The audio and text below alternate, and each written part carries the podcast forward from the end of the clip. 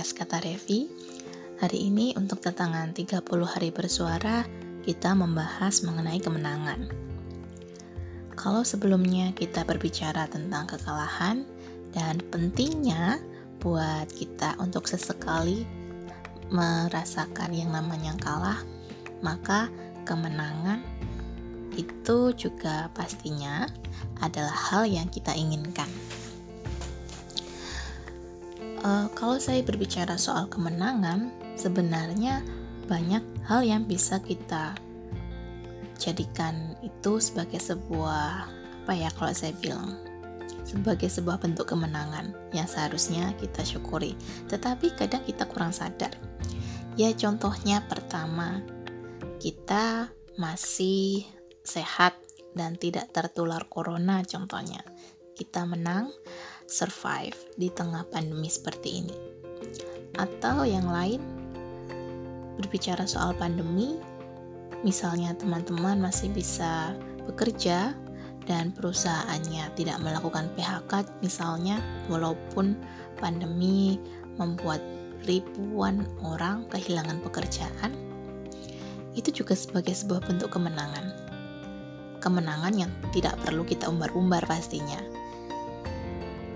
kalau berbicara soal cara agar kita menang, sebenarnya itu tidak sesusah ketika kita berusaha mempertahankan kemenangan yang sudah kita capai.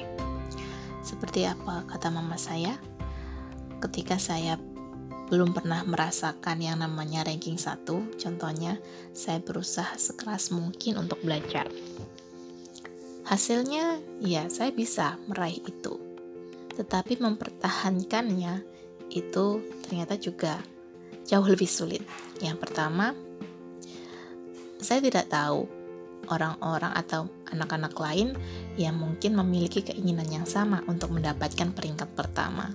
Pastinya mereka berusaha sekeras mungkin dan musuhnya tidak cuma satu. Kalau misalnya kita masih dalam proses berjuang, terkadang uh, fokusnya sama diri sendiri sih. Kita fokus sama metode yang kita lakukan kita fokus sama strategi yang ingin kita jalankan. Tetapi ketika sudah berada di posisi yang teratas tiba-tiba terlihat nih bagaimana cara kita supaya tetap belajar sekaligus bagaimana cara supaya posisi itu tidak tergeser. Stresnya nambah sebenarnya jadi jangan dikira orang-orang yang kita lihat sekarang sukses, uh, sekarang berada di puncak popularitas, mereka adalah sosok pemenang yang tidak pernah merasakan kegelisahan. Saya pikir dari pengalaman saya yang dulunya kadang-kadang merasa aduh kalau aku udah ranking satu gimana caranya supaya nggak kegeser? Itu adalah sebuah naluri yang manusiawi yang pernah ada. Jadi kalau melihat orang-orang yang hmm, yang itu ya yang contohnya yang terlihat sangat sukses, terlihat glowing hidupnya, pasti ada rasa-rasa titik cemas ketika mereka takut kehilangan apa yang sudah mereka miliki. Kemenangan membuat seseorang bisa bersyukur atau bisa menjadi gelisah. Ya gelisahnya karena merasa takut kalau misalnya apa yang didapat itu tidak abadi. Saya pernah membaca uh, sebuah webtoon, tapi saya lupa di mana. Orang yang tidak punya apa-apa adalah orang yang tidak perlu merasa takut untuk kehilangan. Lain ini, uh, dialog ini sangat membekas di kepala saya karena memang benar, ketika kita menang, kita punya banyak hal yang diinginkan banyak orang. Otomatis ketakutan kita itu sebenarnya bertambah. Misalnya kita punya keluarga yang harmonis, kita takut jika suatu hari kita ditinggalkan. Jika kita punya kekayaan yang berlimpah, kita takut kita jatuh sakit, lalu bangkrut misalnya. Justru orang yang sebenarnya tidak punya apa-apa dalam uh, dalam tanda kutip dibandingkan dengan orang yang banyak kemenangan ya. Sebenarnya mereka tidak perlu cemas berlebih kecuali jika ada rasa ingin mencapai sesuatu dan itu tidak tercapai, ya rasa gelisah itu pasti ada buat orang yang tidak punya banyak hal untuk dibanggakan. Jadi sebenarnya manusia itu sama posisinya. Mau dia posisi menang atau sekarang posisi belum menang. Kenapa saya bilangnya belum menang, bukan kalah? Karena orang kalah suatu hari bisa berubah posisinya. Ya, sama dengan orang yang menang, suatu hari orang yang menang juga suatu hari bisa digeser sama orang yang belum menang saat ini. Jadi, bagi saya, menyikapi kemenangan adalah kita bisa berbahagia, tapi ya jangan terlalu berlebihan. Pikirkan cara agar kita bisa tetap mau belajar sekaligus bersyukur.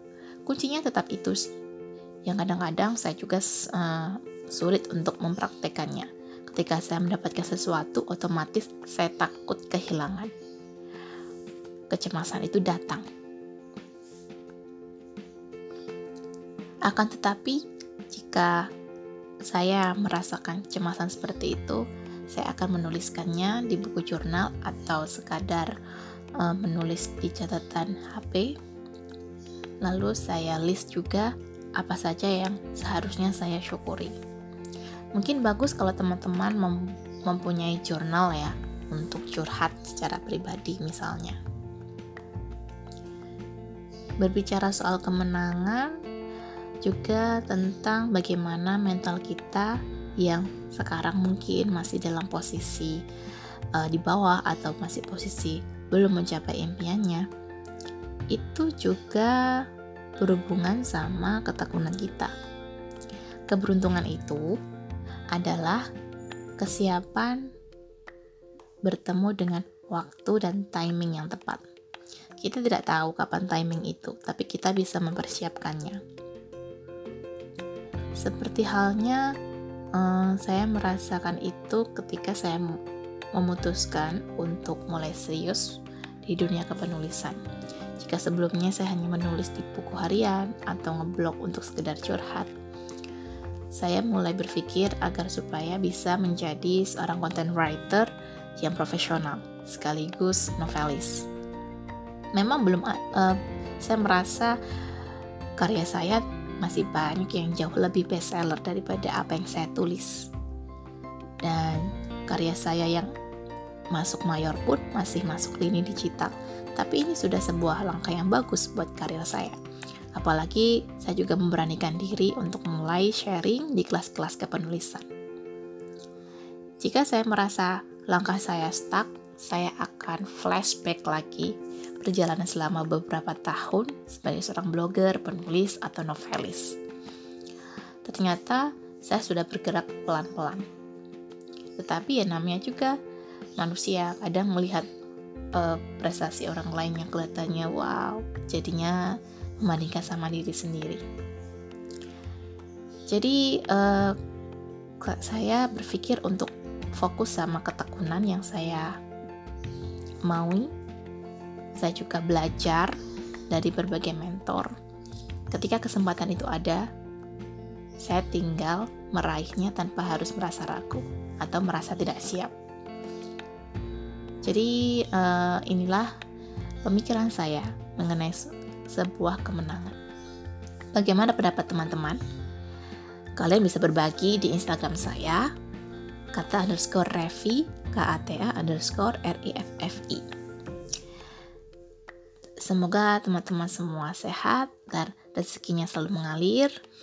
Jangan bersedih. Living your best life Sampai jumpa di podcast Kata Revi berikutnya.